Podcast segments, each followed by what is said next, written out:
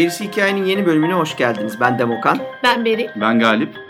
Sizlerle bu bölümde robot ve artificial intelligence, yapay zeka korkusu üzerine konuşalım istedik. Bu iki konu belki de kendi başlarına birer bölüm veya daha da çok bölüm olabilecek konular olduğu halde e, o kadar iç içeler ki biz böyle bir genel giriş en kötü ihtimalle yaparız diye düşünüyorum. Ondan sonra belki süren bölümlerde böyle parçalayıp bölüp daha detayına da girebiliriz.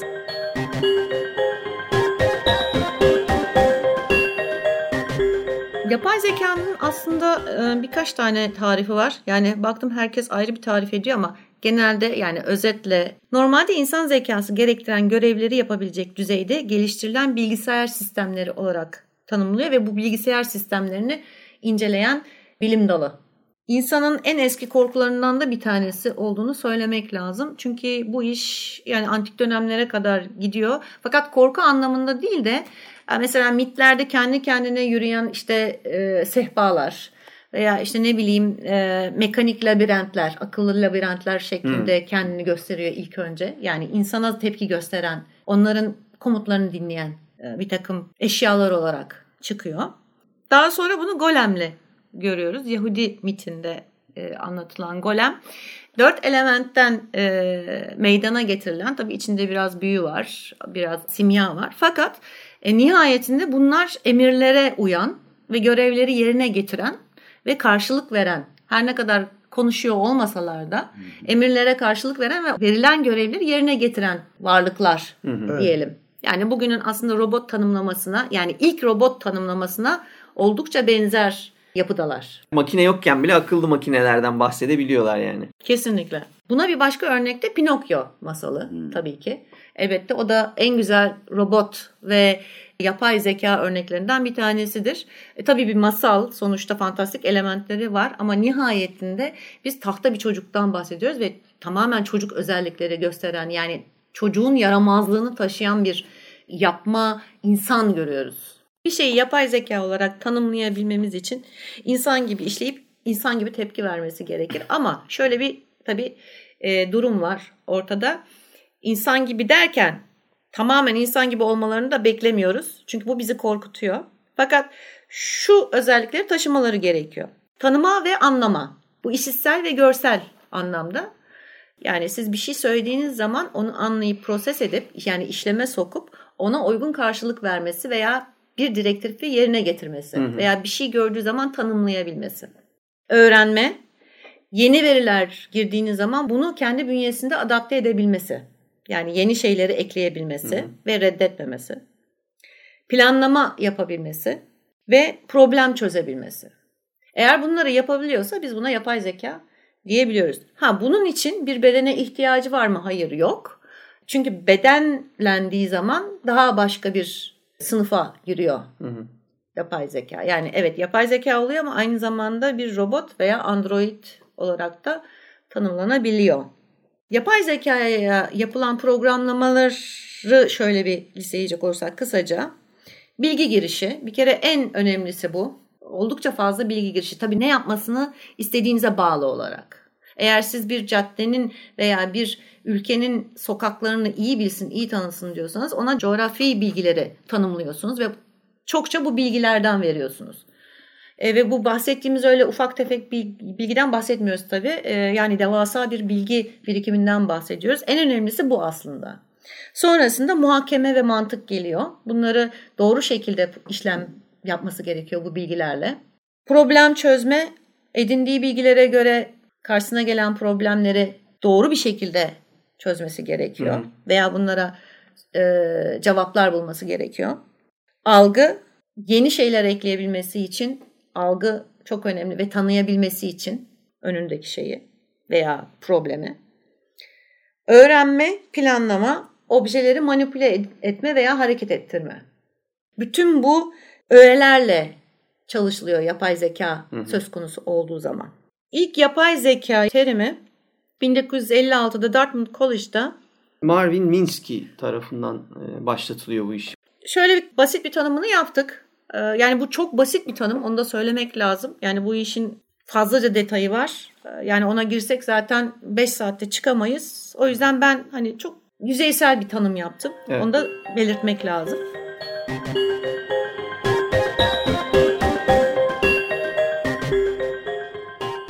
Beril'in e, yapmış olduğu bir girişten sonra aslında terimle alakalı karmaşayı siz de bir ufak görmüş oluyorsunuz sevgili dinleyenler. Yapay zeka tanımı e, tarihin başından beri var olduğu düşünülen başka konseptlerle birleştirilebilen, çok rahat başka yerlere entegre edilebilen, e, felsefi olarak tartışılabilen, bir, yani insanın varoluşundan itibaren ortaya konulabilecek bir konsept. Ama nedense biz e, bugün yapay zeka dediğimizde daha dar bir alanı e, işaret ediyoruz ve o alandaki gelişmeler de henüz daha yani tatmin edici ortada net bir şey yok. Hı hı. E, bu bence bir belirsizlik var o konuda. Tabii ki uzmanlaşılan noktalar var. İşte nöral ağlar, öğrenen makineler, ondan sonra kendi kendine yolunu bulanlar işte bilinç hakeza ya da bir iki tane örnek vereceğim şimdi Nightmare Machine falan gibi şeyler var. E, bunların yanı sıra e, daha henüz bu tanımın içi dolmuş değil tam anlamıyla. Biz de e, insanlar da öğreniyoruz aslında öğrenen makineleri nasıl yapabildiğimizi.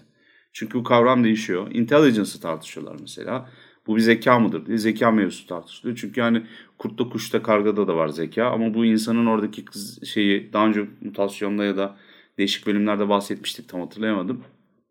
Ben bir şey getirmiştim ya Arapların strateji kitabında e, zekanın, hilenin e, tanımları vardı. Oradaki kavramları da düşündüğünüz zaman felsefi olarak ele aldığınızda zeka kelimesinin yetmediğini görüyorsunuz. Zeka tabirinin bu işe yetmediğini görüyorsunuz. Çünkü zeka ise zeka hesap makinesinde de var zeka. Aslında burada ele almak gereken e, kavram, üzerine düşünmemiz gereken şey bilinç. Ama tek başına yapay zeka bir bilinçle tanımlanmıyor. Nedir çünkü bir yapay zekanın? Yapay zeka dediğiniz şey aslında bir makineyi e, işaret ediyor. Bir bilgisayar bilimi olarak ele alındığı için biz bunu yazılımsal olarak biraz daha soyut kavramlarla tanımlıyoruz. E, ya da hesap olarak düşünüyoruz bunları ama işin özünde bir işlem yapılması gerekiyor. Yapay zekanın sonraki kısımları geliyor burada da. Birincisi öğrenme, etrafını görme etmesi gerekiyor bunu. Ve bu bilinç dahilinde bir karakter haline gelmiş. Öğrendikleriyle beraber problem çözmeye yönelik bir şey oluyor. Problem çözme olmasaydı insanlar sadece bir sanat eseri gözüyle bakabilirlerdi yapay zekaya. Ama bugün yapay zeka gerçekten de bir sürü yerde kullanılma, açılmaya çalışılan bir teknolojik ilerleme. Yapay zeka dediğimiz şey tarihte tabii ki örnekleri bulunan bir aygıt ya da bir e, makina felsefesi diyeyim artık yaklaşım. Hı hı. Fakat ayrıldığı yerler var. Birincisi ilk insanların aklına geldiği zaman e, normal tarlada çalışan köylüden ya da işçiden vesaireden daha güçlü, e, daha spesifik sorunları, problemleri halledebilecek, yeri geldiğinde yemeyecek, içmeyecek vesaire bir yaratıktan bahsediyoruz. Şimdi biz bu golem hikayelerinde şey zombi falan da düşünün. İlk ortaya çıktıkları yer ne birilerini öldürmek ne bir heyecan fırtınası içerisinde bir e, kovalamacalar ya da dünyayı ele geçirdiği hikayedir. Çok daha basit. E, bugün tarikatların falan da yapmış oldukları gibi tarlada kullanıyorlar. Orada da golem mesela ilk önce insanlara yardım etmek için ortaya çıkıyor. İster Prag'ın e, sokaklarında, caddelerinde e, şeyleri, Yahudileri e, korumak namına bir, bir takım görevler alsın o toplumu. İster tarlada çalışsın, bir şeyler sürsün hiç fark etmiyor. Golem dediğimiz aslında yarat, Tanrı tarafından doğada var edilmemiş yaratık, doğa dışı yaratık, insan tarafından icat edilmiş şey. E, aslında bu vazifelerde insanın işlerini yapmaya başlıyor. Fakat insanın işleri sadece tarlada çalışmak, sanat eserleri üretmek, ondan sonra e, ne bileyim çoluk çocuğa karışmak, aile yetiştirmek vesaire gibi şeyler olmadığından bunun yanı sıra insanlara zarar vermek, ondan sonra e, belli bir takım kimsenin yapamayacağı işleri yapmak da olduğu için Hı-hı. daha kanlı şeyler. E, korkunun en büyük hikayelerinden bir tanesi konusu oluyor. Ondan sonra da Golem bir sürü şeye ilham veriyor. İşte Golem hikayesi ilginç bir şekilde teknolojiyle, bilimle alakalı değil, son derece dini bir metin. E, alnında da A yazıyor. Adam ananın A'sı galiba. insan gibi. O silindiği takdirde de robot işlevsiz hale geliyor. Orada da çok ciddi bir soyut bir şey var. Bir metaforik bir yapı var. E, o da işte hani Tanrı insana insanı aynı bu şekilde yaratmıştı zaten. Bir yapay bir şekilde bir araç oluşturmuştu. Üzerine ruh üflemiş falan gibi. Aha. Bir e, yapı ortaya çıkıyor. O ruh üflemesi aslında şey bile olabilir yani. Zeka girişi, bilgi girişi de akıl, olabilir. Akıl alnına yazmış böyle. Aynen. Yok insan, sen dedin ya insana ruh üflüyor e, diye. Yani evet. o bir bilgi girişi e, olarak da kabul edilebilir aslında. Evet makinalarla alakalı bir tartışma yapmalıyız ama her makinede mesela yapay zeka içeren ya da bilinçli bir makine araç haline gelmiyor. Mesela Golem'de en çok korkulan verilen emirleri yerine getirmemesi. Ama Golem'in akıllanması, kendine ait bir hayat kurması vesaireden bahsetmiyoruz. Hı hı. Golem'in sadece fonksiyonu dışında, ilk başta hesaplandığı dışında işlem yapması. Evet. Aslına bakarsınız bir programcı kabusu olarak bak şeyi oluyor oluyor. Yani ya biz bunu kağıt üzerinde çok iyi tasarlamıştık ya da duvarda tahtada. Akış diyagramlarında, algoritmalarda falan uçurup kaçırıyorduk. Kodunu yazarken beklenmeyen bir şey oldu. Evet. Ve ne olduğunu anlayamıyoruz gibi bir durum var. Aslında bu bir korku hikayesi oluyor ve laboratuvarlarda karşınıza çok sıkça çıkan bir şey. Mesela Nightmare Machine diye bir şey var mesela Google Erin. MIT'nin galiba. Massachusetts evet. e, Enstitü Teknoloji e, Üniversitesi. O şeyin enstitünün mesela üzerinde durduğu şeyde kolektif bilinç diyeyim artık onlar üzerinden makinenin öğrenmesi ve daha sonra duygulara göre gerçek dünyada örneği olan tabloları bir daha gerçeklemesi. Ve safhaları var bunun. Bir defada da çizmiyor. Korkunç resmen. görseller çıkıyor sonuçta. Bizi korkutuyor. Son hallerini görsen çok Biliyorum, ama yok, esnek yani. Bizi, yani evet. Ha, bizi dediğimiz şey tabii yani amaç o. Korkunç görseller yaratmak. Ben çok korkunç olduklarını düşünmedim evet. ama ben de onu şöyle okumuştum. Eserler gibi niyet korkunçluk değil ama sonuç itibariyle e, esrik çarpık tuhaf bir şey olduğu için artık bu bir kabus cihazı diye. Çünkü yani rüyalardaki gibi bir şey anlatıyorlar diyorlar. Bir de bizim korku şeyimizin çok içinde olan Shelley var. Bir sonraki ha, onu da onu da aslında birazcık daha detaylandırmak lazım. O uzun uzun anlatırım birazcık.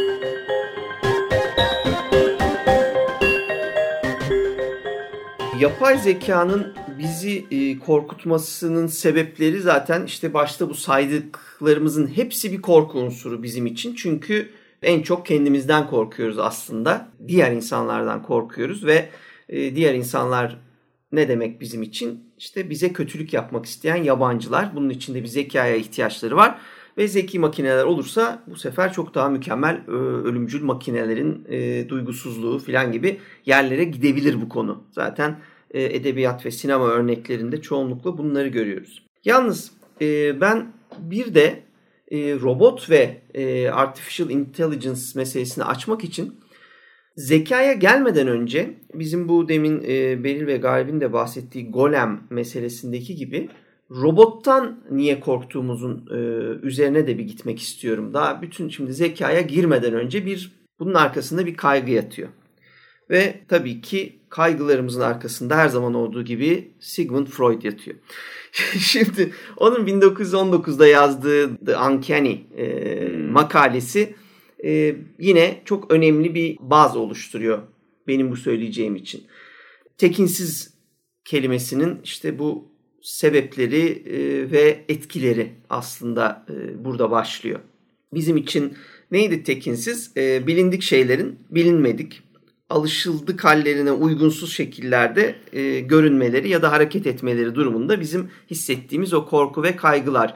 Bunu ben en çok işte hayaletlerle tanımlamayı seviyorum. Karşıdan karanlıkta üzerimize doğru gelen bir insan figürü bizi çok korkutan bir şey olmuyor ama onun ayakları olmadığını ve havada süzüldüğünü hissedersek bu sefer ilk hissettiğimiz şey o tekinsizlik duygusu oluyor.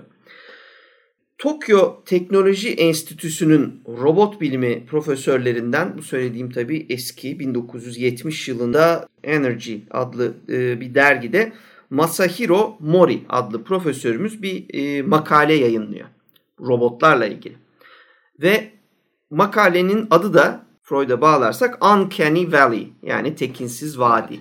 Bu makalede Mori şöyle bir şey anlatıyor. Yani özetle söylüyorum ama uzmanlığı dolayısıyla ki bunun 1970'ler olduğunu unutmayalım. O günkü teknolojiye göre e, bunları e, açıklıyor ama bu robotların insana benzemesi meselesi üzerinde çalıştıkları da bir dönem bu yine.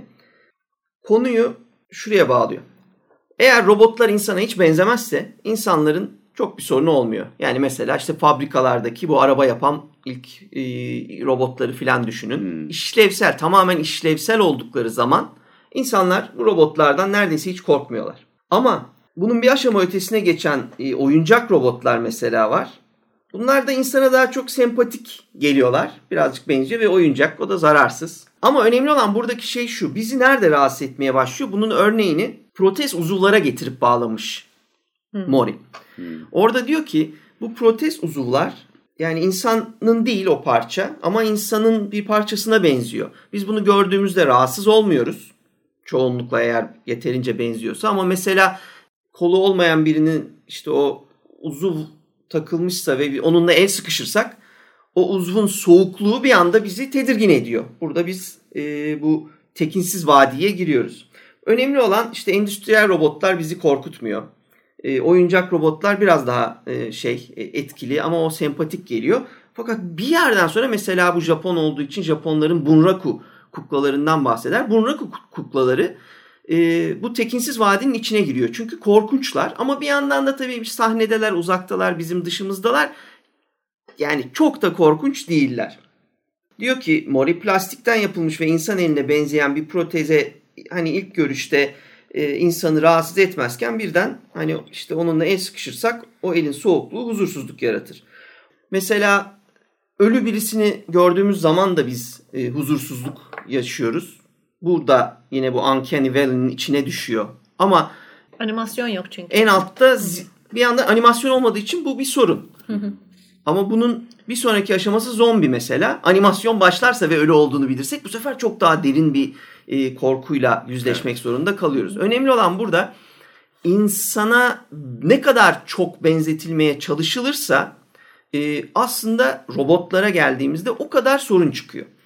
Bunun en net e, karşılığında ben işte bu ünlü Sophie'de görüyorum. Bu Sophie robotunu tahmin ediyorum herkes biliyordur. Şu ana kadar en son Suudi Arabistan e, vatandaşlığı verilmişti. Hatta Türkiye'ye geldi bir haberlere Devlet falan. Bahçeli bile biliyor bunu ya. Ha. Yani hiç robotlarla bir ekstradan başka bir teması olmamıştı. Ha, tahmin büyük ihtimalle. Bütün dünya biliyor nihayetinde ama çok sempati topladığını zannetmiyorum ben ya. İşte sempati toplamamasının bence en önemli sebeplerinden bu biri bu benzerliği 65'e yakın yüzüne mimik yerleştirilmiş Sophie'nin ve bu mimikleri gerçekleştiriyor ama işin arkasında gerçek bir anlam, gerçek bir bilinç, gerçek bir mimik olmadığı için bana sorarsanız yani hani benim her gülümseyişi tüylerimi diken diken ediyor.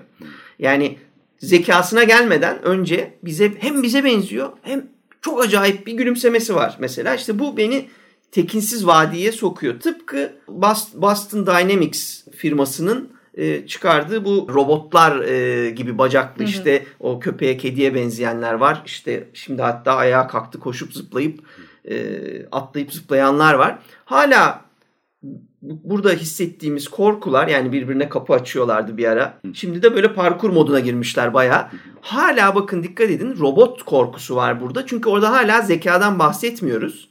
Şeyden bahsediyoruz. Bizim yapabildiğimiz şeyleri yapan ama bize hiç benzemeyen yaratıklardan bahsediyoruz. Orada hala bizim o tekinsizlik, uncanny valley'de bunların geziyor olma korkuları var. Yani biz önce robottan korkuyoruz. Sonra ze- o zekadan, yapay zekadan devasa çok daha büyük korkuyoruz. Yani aslında ilk önce şekilsel olarak korkuyoruz. Tabii.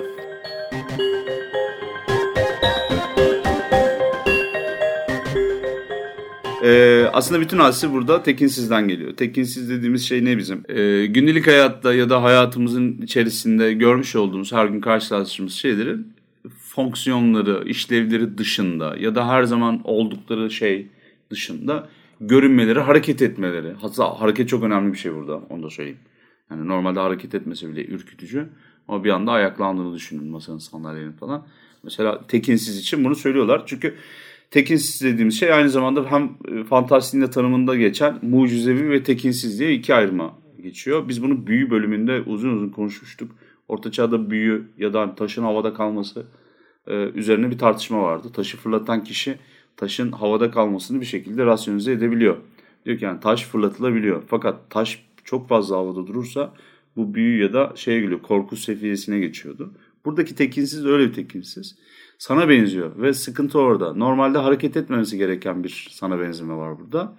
Ve sen onun gerçek insan olmadığını biliyorsun. Yapmaması gereken şeyler var. Onlar yapılmaya başladığında buna çok amiyane bir tabirle huylanma diyeyim ben mesela.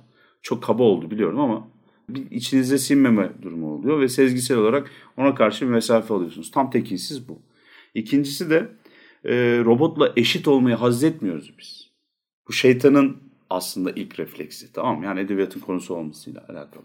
Haz etmiyoruz bize benzemesinden fakat biz hala bize benzemesi için uğraşıyoruz. Şimdi şöyle bir şey var. Bir kere insan kusursuz bir makine değil. Bunu bir ilk önce kabullenmek lazım. Sen o zaman niye kusursuz bir makineyi kusurlu bir şeye benzetmeye çalışıyorsun? Yani eğer kusursuz bir şey yapmaksa niyetin neden kusurlu bir şeye benzetmeye çalışıyorsun? Bu bir. İkincisi ona insani duygular eklemeye çalışıyorsun. Empati gibi, sempati gibi ama aynı zamanda bunlar yeterli olmaz. Korku gibi, açgözlülük gibi, ne bileyim kötülük gibi şeyleri de eklemen lazım. Yani eğer insana benzemesi gerekiyorsa ben şey diye düşünüyorum. Bunu tamamen Tanrı'yı oynamak gibi bir açgözlülük olarak e, düşünüyorum. Yani sen tabii bu inanç sistemleri vesairelerine hiç girmeyeceğim veya var mı yok mu tartışmaya da girmeyeceğim. Ama bunu başarmak sanki insanı büyük bir başarı getirecekmiş gibi bir tavır içinde insanlar. Halbuki sen kusurlu bir şey yapmaya çalışıyorsun. Benzetme ya daha doğrusu kusurlu bir şeye benzetmeye çalışıyorsun. Evet yani orada büyük bir e, şeye buna ben de e, katılıyorum. Çok büyük bir hayal gücü eksikliği var orada. E, Tanrı'yı oynadığın zaman e, sıfırdan yani hani e, bir şey yapman gerekir. E, burada sen kendine benzeyen şeyi taklit etmeye çalışıyorsun sadece. Hmm. Ama dediğiniz gibi hata yapmayan yapıdan bahsediyoruz e, ideal olarak. Ama o hata yapmayan yapıyı sen hatalarla dolu bir varlığın içine koymaya çalışıyorsun. Hemen üzerine ekliyorum. Şimdi sen bu makinenin içine bir de ahlak, etik gibi şeyler eklemeye çalışıyorsun. Yani diyorsun ki bunlar insani şeyler yani insan toplumunda var olabilmesi için bunlara sahip olması lazım. Empati, ahlak, e, mantık e, ve işte etik gibi. Ama insanın bu özelliklerine sahip fakat kötü özelliklerine sahip olmayan bir makine insan toplumunun içinde yaşaması pek mümkün görünmüyor bana. Yani böyle bir makinenin var olabilmesi insan içinde. Çünkü diyelim ki insana çok benzedi. Yani görünüş olarak da aynı. Ayırt edemiyoruz. Ayırt edemiyoruz. Ama mora işte ahlak, etik, mantık, e, empati, sempati vesaire hepsi var bunda. Fakat içinde kuşku, eleştirmek, ondan sonra işte ne bileyim e, kandırmak gibi şeyler yok. E böyle bir durumda e, sivrilir toplumda. Yani mümkün değil var olması. Çünkü insan böyle bir yaratık. Yani sadece mükemmel özelliklerini alıp da onu ne bileyim ben bir cehennemin içine atmak gibi bir şey olmuş oluyor. Belki de insan doğası böyle bir şeyi kabul etmez. Evet evet ama zaten şeyi zaten burada amaç ortaya çıkıyor belki de e, biz bunu niye bu yaratığı var, var ediyoruz niye bu yaratığı koyuyoruz yani biz bunu e, işleri çözsün diye yani aramıza katılıp da bizden biri olsun diye kimse e, AI yapmaya çalışmıyor diye umuyorum zaten. Şimdi yakın zamanda e, edebiyatın ve sanatın konusu olan bir durum var. Yalnızlığı kırmak için robot yapmak. Ve dünyada da teknoloji vesaire de hep biz şey deriz. Biz sorunları çözsün diye üretiyoruz bunu falan deriz. İşte hani fırtınaların tarihini bilmek atıyorum bir makine gerektiriyor. Doğada var olan ve insanın karşısına çıkan şeyleri aşmak için kullanılan aletler gibi düşünebiliriz. Bu bunların hepsini problem olarak adlandırmak mümkün mesela. Yani ilk başta bir el baltası da bir makine olarak görünüyor. E, taç çağında kullanılan. E, ya da çok daha karmaşık bugün kullandığımız işte hani motosikletlerden tutun ya da yapay zekalardan tutun internet üzerinde aktif çalışan her şeyi kontrol eden daha doğrusu her şeyi inceleyen e, bunların hepsi makineler. E, biz makinalarla şey yapıyoruz, iletişim halindeyiz. Makinaları seviyoruz ve isteyerek yapıyoruz. Ama bir yandan da bu makinelerin hayatta kalması için zannedildiği gibi çözmüş oldukları problemler değil, tamamen daha sosyal ve birazcık daha utanılacak bir şey etkili oluyor. Bir sürü yapay zekanın vesairenin geleceği noktayı ben size söyleyeyim. Bugüne kadar internetinde ondan sonra diğer değişik robotların e, ya da fabrikaların vesaire plastiğin geldiği yerleri düşünürsek tamamen pornografiyle seks robotu seks yapmaya robotu, gidiliyor tabii, diyorsun. Tabii. Yani seksle alakalı sektörlerde bu işlerin dönüşeceği çok ortada. Ve buna baktığınız zaman aslında insanın yalnızlığını hedefleyen ve onu azıcık mutlu eden belli bir noktada kısa süreliğine mutlu eden bir cihazı hedefliyorsun ve bu çok satıyor. İlginç bir şekilde peynir ekmek gibi satıyor. Çünkü peynir ekmek de mutlu eder. Öyle bir şey var. Ve bu robotların e, normalde ağır yük kaldırma, yaklaşan bir fırtınayı görme ya da arka tarafta bir e, ay döngüsünü hesaplama şu mutlu. O fonksiyonların bir yerden sonra aslında sahip olmak güzel nice to have derler. Ama yine de esas şey olmadığını görüyorsunuz. Şimdi bunu tartışmayalım gerçekten. Biz e, yani dünyayı anlamak için yapay zekalar hazırlıyoruz falan kodluyoruz. Yani kesinlikle insanlar çıkacak. Ama işin dönüp son, sonunda geleceği yer o şey olacak. Robot olacak yani. Seks robotu olacak. Ya seks robot yani seks robotu evet zaten dünyayı iki şey döndürüyor. Bir tanesi seks, diğeri savaş. Yani ikinci bir endüstride e, bu, bunu kullanacak olan silah tüccarları. Yani, yani orgazm ya da vorgazm diyorsun.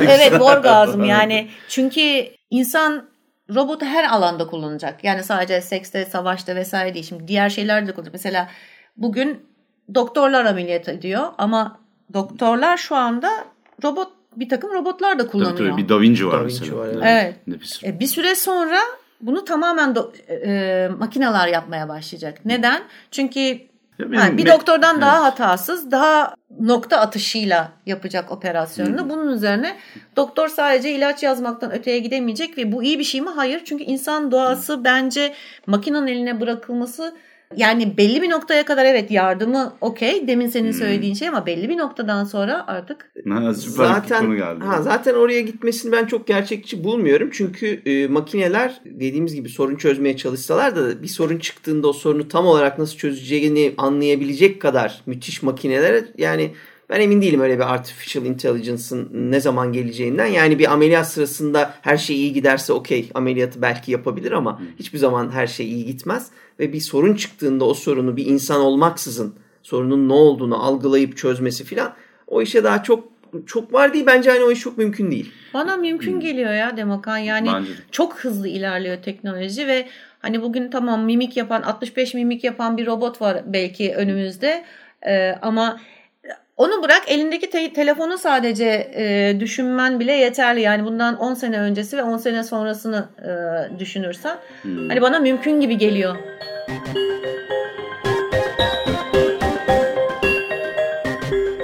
Zaten burada üzerinde durmamız gereken hadise e, robotun taklit etmesi vesairesi değil. Yapısı olarak bir şeyleri üretebiliyor olması. Demokra'nın dediği gibi yolunda gitmeme durumu ve kötü durum senaryoları aslında robot daha yapılmadan kullanıma girmeden evvel defayen hazırlanıyor ve bunlarda bir sıkıntı yok. Kesinlikle ortada bir şey oldu, elektrik kesildi. Bunların hepsinin bir backup'ı, bir yedeği vesairesi vardır. Bunun, bunun prosedürleri de vardır. Ya belki zaten robotlar hani diyelim ki hani bugün evet e, belli bir enerji e, tipi kullanıyorlar ama belki bundan 10 sene sonra farklı bir enerji tipi kullanacaklar. Yani kolay tükenmeyen ve kendini şarj edebilen bir enerji tipi. Ben ondan korkuyorum işte. Çünkü Yo bugüne işte. kadar o Boston Robotics'in falan e, robotlarını gördüğümüzde en büyük bizim elimizdeki en büyük koz bunların yeterli enerjisinin olmamasıydı. Hep uzun kordonlardan elektrik veriliyor ona bilmem ne. Otonomite sağlandığı zaman yani hem otonom hem mobil olduğu zaman o zaman çarşı karışacak gibi görünüyor. E, bu Matrix'in de ana konusu zaten. Evet. Ee, ama ben şeyi söyleyeceğim. Ee, bu Da Vinci örneğinde olduğu gibi aslında backup ünitesiyle beraber çalışan mükemmel derecede ameliyatları yapabilecek robotlar mümkün. Fakat hala en son nokta bizim gerçekten içimize sinecek bir şekilde evet bu işleri robota bırakabiliriz dediğimiz şey sanatın bir konusu hala. Teknolojinin bir konusu değil. Zor işler onlar çünkü. Yani yatırım gerektiriyor, bilmem ne gerektiriyor. Ve, e, siyasi ayak oyunları e, robotik gelişmelerden, ARGE laboratuvarlarından daha fazla para alıyor. Ya da dini kurumlar biliyorsunuz e, daha büyük paralar alıyor. E, çünkü robotlar belki de o hegemonyayı sağlamıyorlar. Biz aslında robottan e, değil başka şeylerden korkmalıyız. Günümüz paradigması için konuşuyor. Yalnız bir şey söyleyeceğim. Yani şimdi biz sadece dünya için konuşuyoruz. Yani dünya üzerindeki işler için konuşuyoruz. Asıl önemli olan in- insanın uzaya açılması e, konusu. Evet. E, bunun için telaş ediyor e, insanoğlu ve sürekli bir şeyler, teknolojiler geliştirmeye çalışıyor. Bence bu Android veya işte robot e, teknolojisinin üzerinde bu kadar durulmasının sebeplerinden bir tanesi de e, uzay yolculuğu. Yani insanın insan bedeninin dayanamayacağı mesafelere gönderilecek ama insan kadar zeki ve insan kadar problem çözebilen e, Robotlar. makineler yapabilmek. İşte niyet bu değil ama bu sonuç olacak Beril. Çünkü bu kaçınılmaz bu bahsettiğin şey. Çünkü biz robotu ne olarak tanımladık mesela? Makineyi ya da ilk baştan itibaren. Bir şey var, bir kırmanız gereken bir tane ceviz var. Elinizle, dişinizle vuruyorsunuz, olmuyor. Gidip bir tane taş alıyorsunuz. Baş parmağınız var. Taşı kavrayabiliyorsunuz böylece bir güç üretip. Onu getirip böyle yukarıdan aşağı kafasına vura vura bir şey yapıyorsunuz. Bu neydi? İnsan bedeninin sertliği buna uygun yeterli bir şey de değildi. Aklımı kullandım. Gerekiyorsa yukarıdan da bırakabilirim. E, ama sonuçta taş zeminde bir makina orada yani öyle düşünün. Hı hı. E, yapay bir şey oluşturuyorsun çünkü kendi menfaatin için. E, ve sonuçta bir şeyler oluyor. İnsanlar bu Da Vinci'leri vesaireleri hazırlarken mesela şunu atlıyoruz biz. Bu robotlar her defasında sıfırdan almıyorlar bir defa. Metot öğrenilebilen bir şey haline geliyor. Bilim metottur bence. Ya da hani tekrar edilebiliyor mu bir olgu diye bakarız, bakarız her şeye.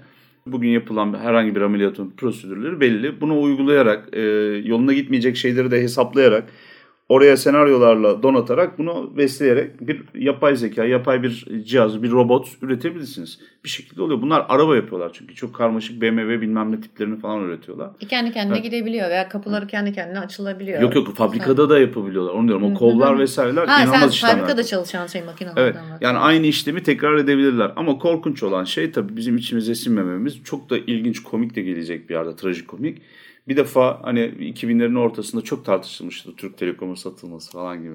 İletişimi, sağlık sektörünü ya da insana dair çocuk yetiştirme gibi olan şeyleri kısımları devlet e, regülasyonundan, kontrolünden çıkmaması gerekiyor kardeşim diye çok tartışmıştık. Bizim iletişim hatlarını eğer özelleştirirsek, yabancı firma gelirse yarın öbür gün bizleri dinler mi diye bir şey vardı. Ki dinler yani. Robotta da aynısını dinlerim. söylüyorsun. Hı. Robot mesela beni ameliyat edecek. içten içe başka bir plan dahiline, kendi menfaatine ya da planına bakarak e, belki kötü ameliyat yapmaya başladı. İnsanlara başka bir yön vermeye başlayacak. Yani burada hala bir xenofobi söz konusu anlatabiliyor muyum? Robot Kendi kendini şey geliştirerek evet. e, anladım demek istedim. Şimdi oraya o, bu kesinlikle işte bizim korku konumuza giriyor zaten. Evet. Korkularımızdan bir tanesi bu ama burada şeyi unutmayalım bence. Mesela bir problem çıkması durumu robotla ilgili bir problem çıkması durumundan daha çok insanla ilgili bir problem çıkması meselesidir evet. benim için ve ahlaki bir karar, e, sağlık anlamında bir karar vesaire karar verme mekanizmaları girdiğinde birinin ölüp ölmeyeceğini kontrol etmeniz gerektiğinde ya da sorunun ne olabileceğini tahmin etmeniz gerektiğinde insan faktörü e, çok önemli bir hal alıyor. Hmm. Benim bunu çok yakın zamanda bu tarz şeylerin olmaması, olmama ihtimalini düşünme sebeplerimden biri de bu. Bizler evrimin sonucuyuz bütün bu geldiğimiz şey milyonlarca yıllık bir evrimin sonucu. Makinelerin de insanların hızlandırdıkları bu e, bilgi yığması ile gene bir evrim ama evrimleşeceklerini düşünüyoruz. Hı. Ama evrim milyonlarca yıl süren bir şey olduğu için e, makinelerde bu böyle olur olmaz ayrı bir mesele. Ama e, ben insan yaşam süreleri içerisinde olan şeyin evrim olduğunu düşünmüyorum. Hmm. O evrimleşme ancak bizim kontrolümüzden çıktığında gerçek evrimden bahsediyorum. Yani insanların yaptığı işte bu köpek yapmamız falan gibi bir, bir şeyden bahsetmiyorum bizim. E, güvercinleri, köpekleri Darwin'in değiştirmesi meselesi gibi bir şey değil bu.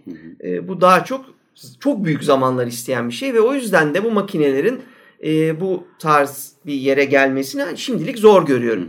Evrim açısından. Açısından evet çünkü bu çok önemli. Biz şeyler şu benzetmeler çok önemli. Çok güzel nokta atış anahtar kelimeler söyleniyor. Tanrı olmaya çalışmak filan. Şimdi siz Tanrı dediğiniz zaman okey böyle şak dedi yaptı kafasıyla robotu da öyle yapıyorsun zaten. Ama şak dedi yap öyle bir şey yok. Evrim var. Evrim olduğu zaman da şak diye olmadı bunlar. Bu şey gibi aslında toprağa tohum atmak ve sonradan yetişmesini beklemek gibi e, bir şey. Ha, yani öyle bir şey var. Biz bir şeyi başlattık o kesin. Evet. O başlattığımız şey nereye doğru gidecek onu da tam olarak bilemeyiz. İşte evet. o zaten nereye geliyoruz bu sefer de bilinmezlik korkusuna geliyoruz ve biz hem robottan hem e, yapay, zeka. yapay zekanın e, ulaşacağı noktanın insan evrimini işte yarıda keseceğinden e, insanlara zarar vereceğinden korkuyoruz. Bir de şöyle bir soru var tabi. İnsan bunu göre göre duracak mı belli bir noktada yoksa yapmaya devam mı edecek? E, ki ben daha devam edeceğinden yanayım. Hı hı. Yani o şekilde düşünüyorum. İnsan dediğim bir değil zaten. Yani e, herkesin ayrı bir niyeti, görgüsü, algısı, e, amacı olabilir. Teknoloji bak, teknoloji hani demin söylediğim Aha. gibi o kadar artık hızlı ilerlemeye başladı ki. Aha. geliştirilen şeyler, yeni e, icatlar vesaireler vesaireler. Yani bu hani şey gibi depremin biliyorsun bir e, derece üstü hani onun aslında iki katı değildir çok daha fazlasıdır ya. Evet logaritmik artar çünkü. Aynen, aynen öyle bu da öyle. Lineer değil de. Bu da öyle. Yani bu da aynı şekilde artıyor ve her seferinde daha fazla şey çıtayı çok daha fazla ileri atıyor.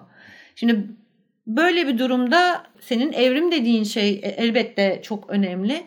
Fakat korkarım ki bunlara o kadar fazla süre gerekmeyecek. İşte tamam zaten bütün bunu konu, konuyu Hı. konuşuyor olmamızın sebebi bu. Bizim bu daha makine değil Galip'in dediği gibi aletle başlayan o aletin evet. makineye dönüşmesi, makinenin robota dönüşmesi, robotun bizim kadar akıllı olması sürecindeki en büyük korkumuz. Ama Galip'in sanat demesi e, altı çizilesi bir şey. Çünkü bu işte bizim e, korku sanatını evet. çok fena halde besliyor esas olarak.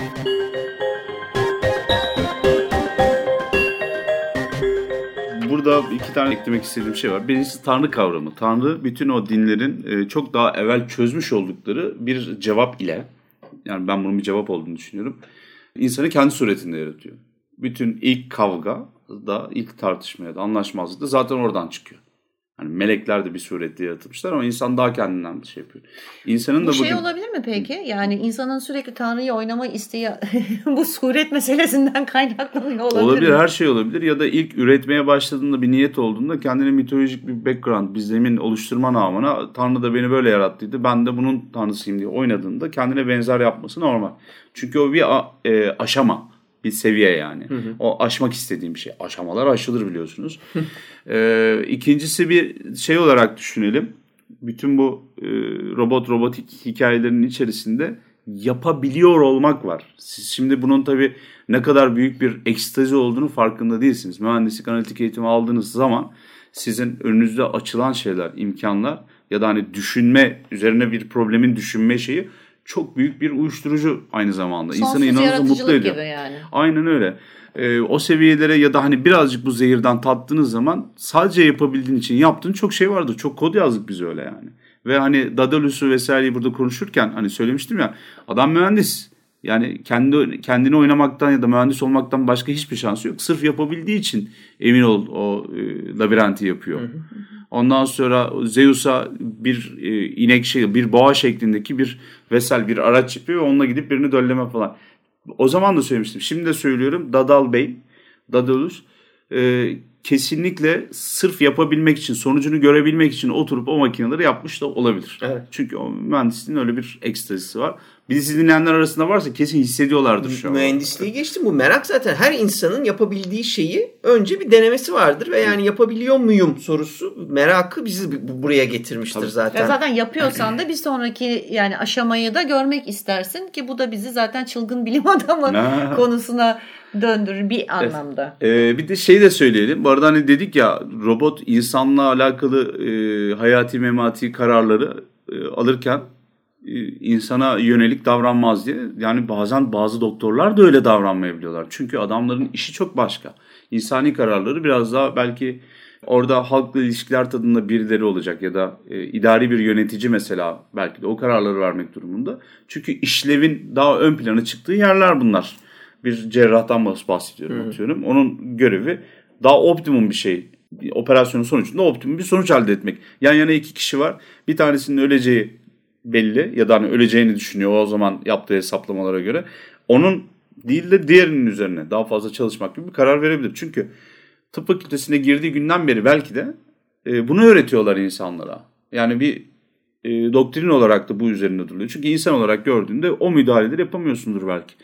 E, orada hani robotu çok fazla şey de yapmamak gerekiyor olabilir. Yani robotu bir de bu gözle düşünmek gerekiyor olabilir. Robotlar aramızda gibi bir şey düşünüyoruz.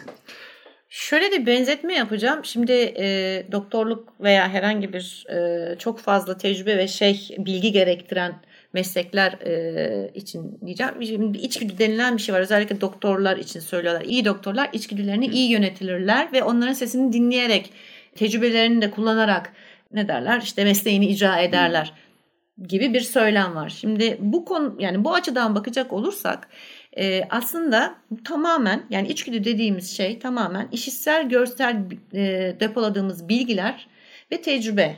Yani bu bunların toplamı olan bir şey. Yani bunların toplamında e, senin işte hafızandaki işitsel, görsel algıladığın ne varsa ve tecrübe ettiğin ne varsa sana bir ola, birkaç tane olasılık sunuyor ve en mümkün olanı e, zihninde bir şekilde parlıyor. Evet. Bir de genler tabii işte yani o genetik olarak gelen şeyleri de etki, Tabii, tabii, etkilemek tabii. durumundayız. Bütün Tabii tabii mesele tabii. o. Yani Bunlara. insanda zaten en önemli yani olan herkeste şey. olmayan Kapasite var, bazılarında tabii, olan tabii. Evet. Yani tabii ha o da var. Yetenek dediğimiz şey. Yani Hmm.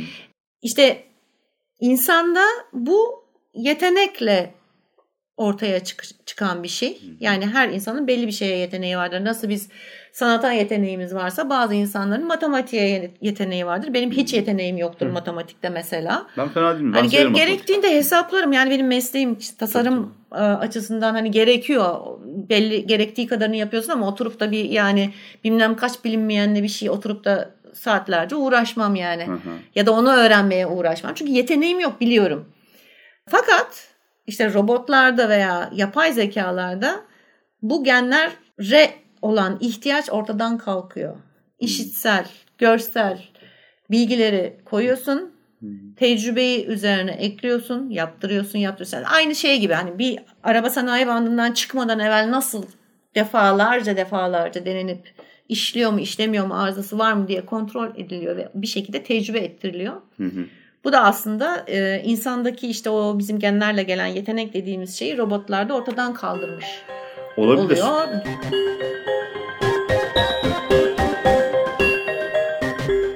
Biraz da edebiyatına bakalım bu işin. Ben biraz başlık başlık geçeceğim. Yani eserlerde göze çarpan temanın altını çizeceğim. Evet. Bu şekilde oradan da e, tartışabiliriz. Yani konuşabiliriz. Şimdi e, en erken örneklerinden bir tanesi benim rastladığım e, otomatondan başlıyorum. Çünkü hani bu işin ilk başta hani Golem'den sonra otomaton geliyor aslında. Etta Hoffman'ın The Sandman'i. Burada e, otomaton bir genç kız karakteri görüyoruz. Olympia diye bir e, genç fakat uzun bir süre hikayede anlaşılmıyor bunun otomaton olduğu. Yani bir şüpheleniliyor. Hani şeyleri veriyor, ipuçlarını veriyor.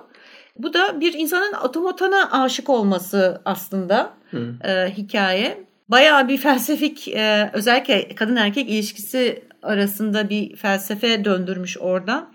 Yani erkeğini eleştirmeyen, dinleyen ve usulca başını sallayan, terbiyeli, oturduğu yerde çok fazla hareket etmeyen. Yani e, neredeyse aslında cansız, Hı hı. e, belli tepkileri var. E, ama o da karşısındakini memnun etmek üzere ayarlanmış e, bir takım tepkiler. Bir de o otomaton deyince akla e, şey gelir, Türk gelir değil mi? Satranç oynayan ilk Evet, makine evet. diyerekten e, bir de öyle bir araç var. E, bu otomatonlar aslına bakarsanız yeni şeyler değil. E, mekanik mucizeler bu vida ve çarklar kullanılmaya başladığı zamandan beri hatta Arşimet e, vaziyetinden beri o vida falan da bulan adam bir sürü yerde kullanılıyor. Ondan sonra e, Rönesans'ta Simple Machines diye bir şey var. Temel makineler diye çevirebileceğimiz. O 5-6 ayrı modeli var farklı işlemlere gelen. 6 tane makine galiba tanımlanıyor. E, Bunların içerisinden de program problem çözme ya da hani e, yapılan hamleye göre karşılık verme gibisinden otomatonlar daha etkili şimdi e, makineler yapılıyor. Ona da otomaton deniyor.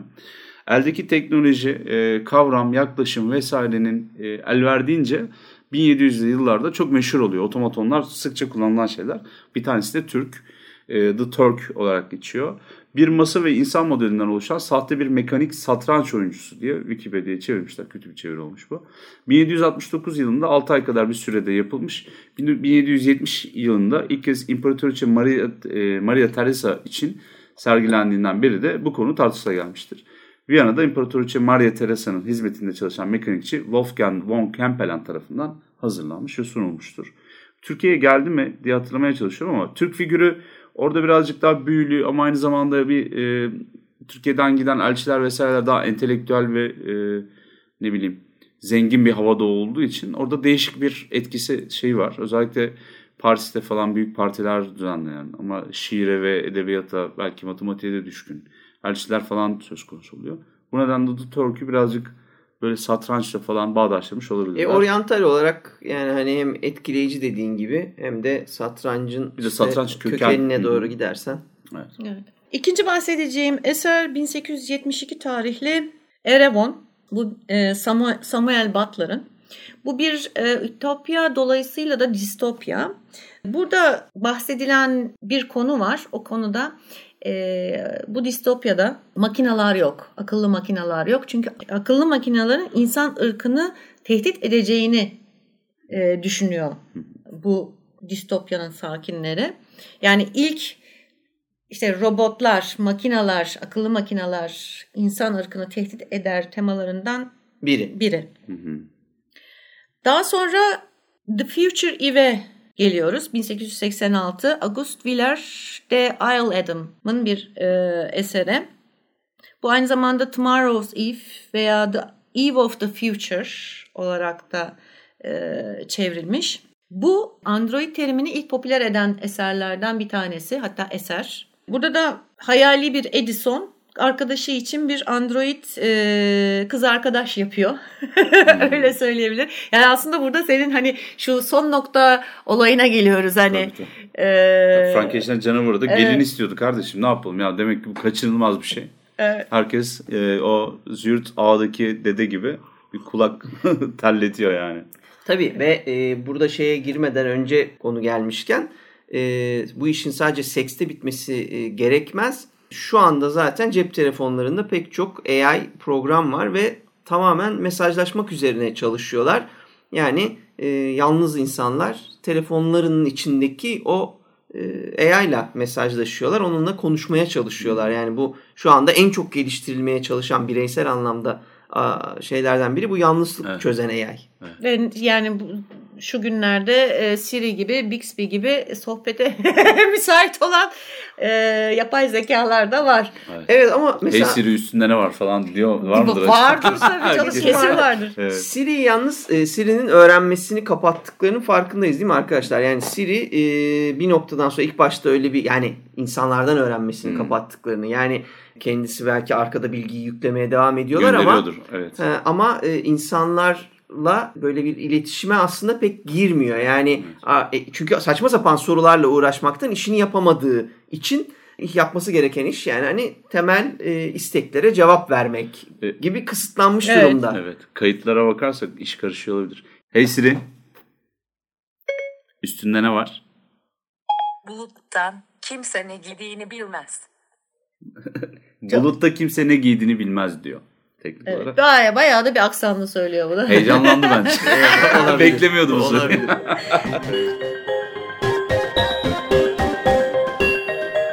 1899'da demin sen Türk'ten bahsetmiştin. Ee, Ambrose Bierce'ın bir hikayesine geliyoruz. Moxon Master diye. Moxon'un efendisi. Ee, burada satranç oynayan bir robot, otomaton hatta, robot demeyelim, evet. otomatonla karşılaşıyoruz. Ve bu makinamız kaybedince bayağı sinirleniyor ve öldürüyor.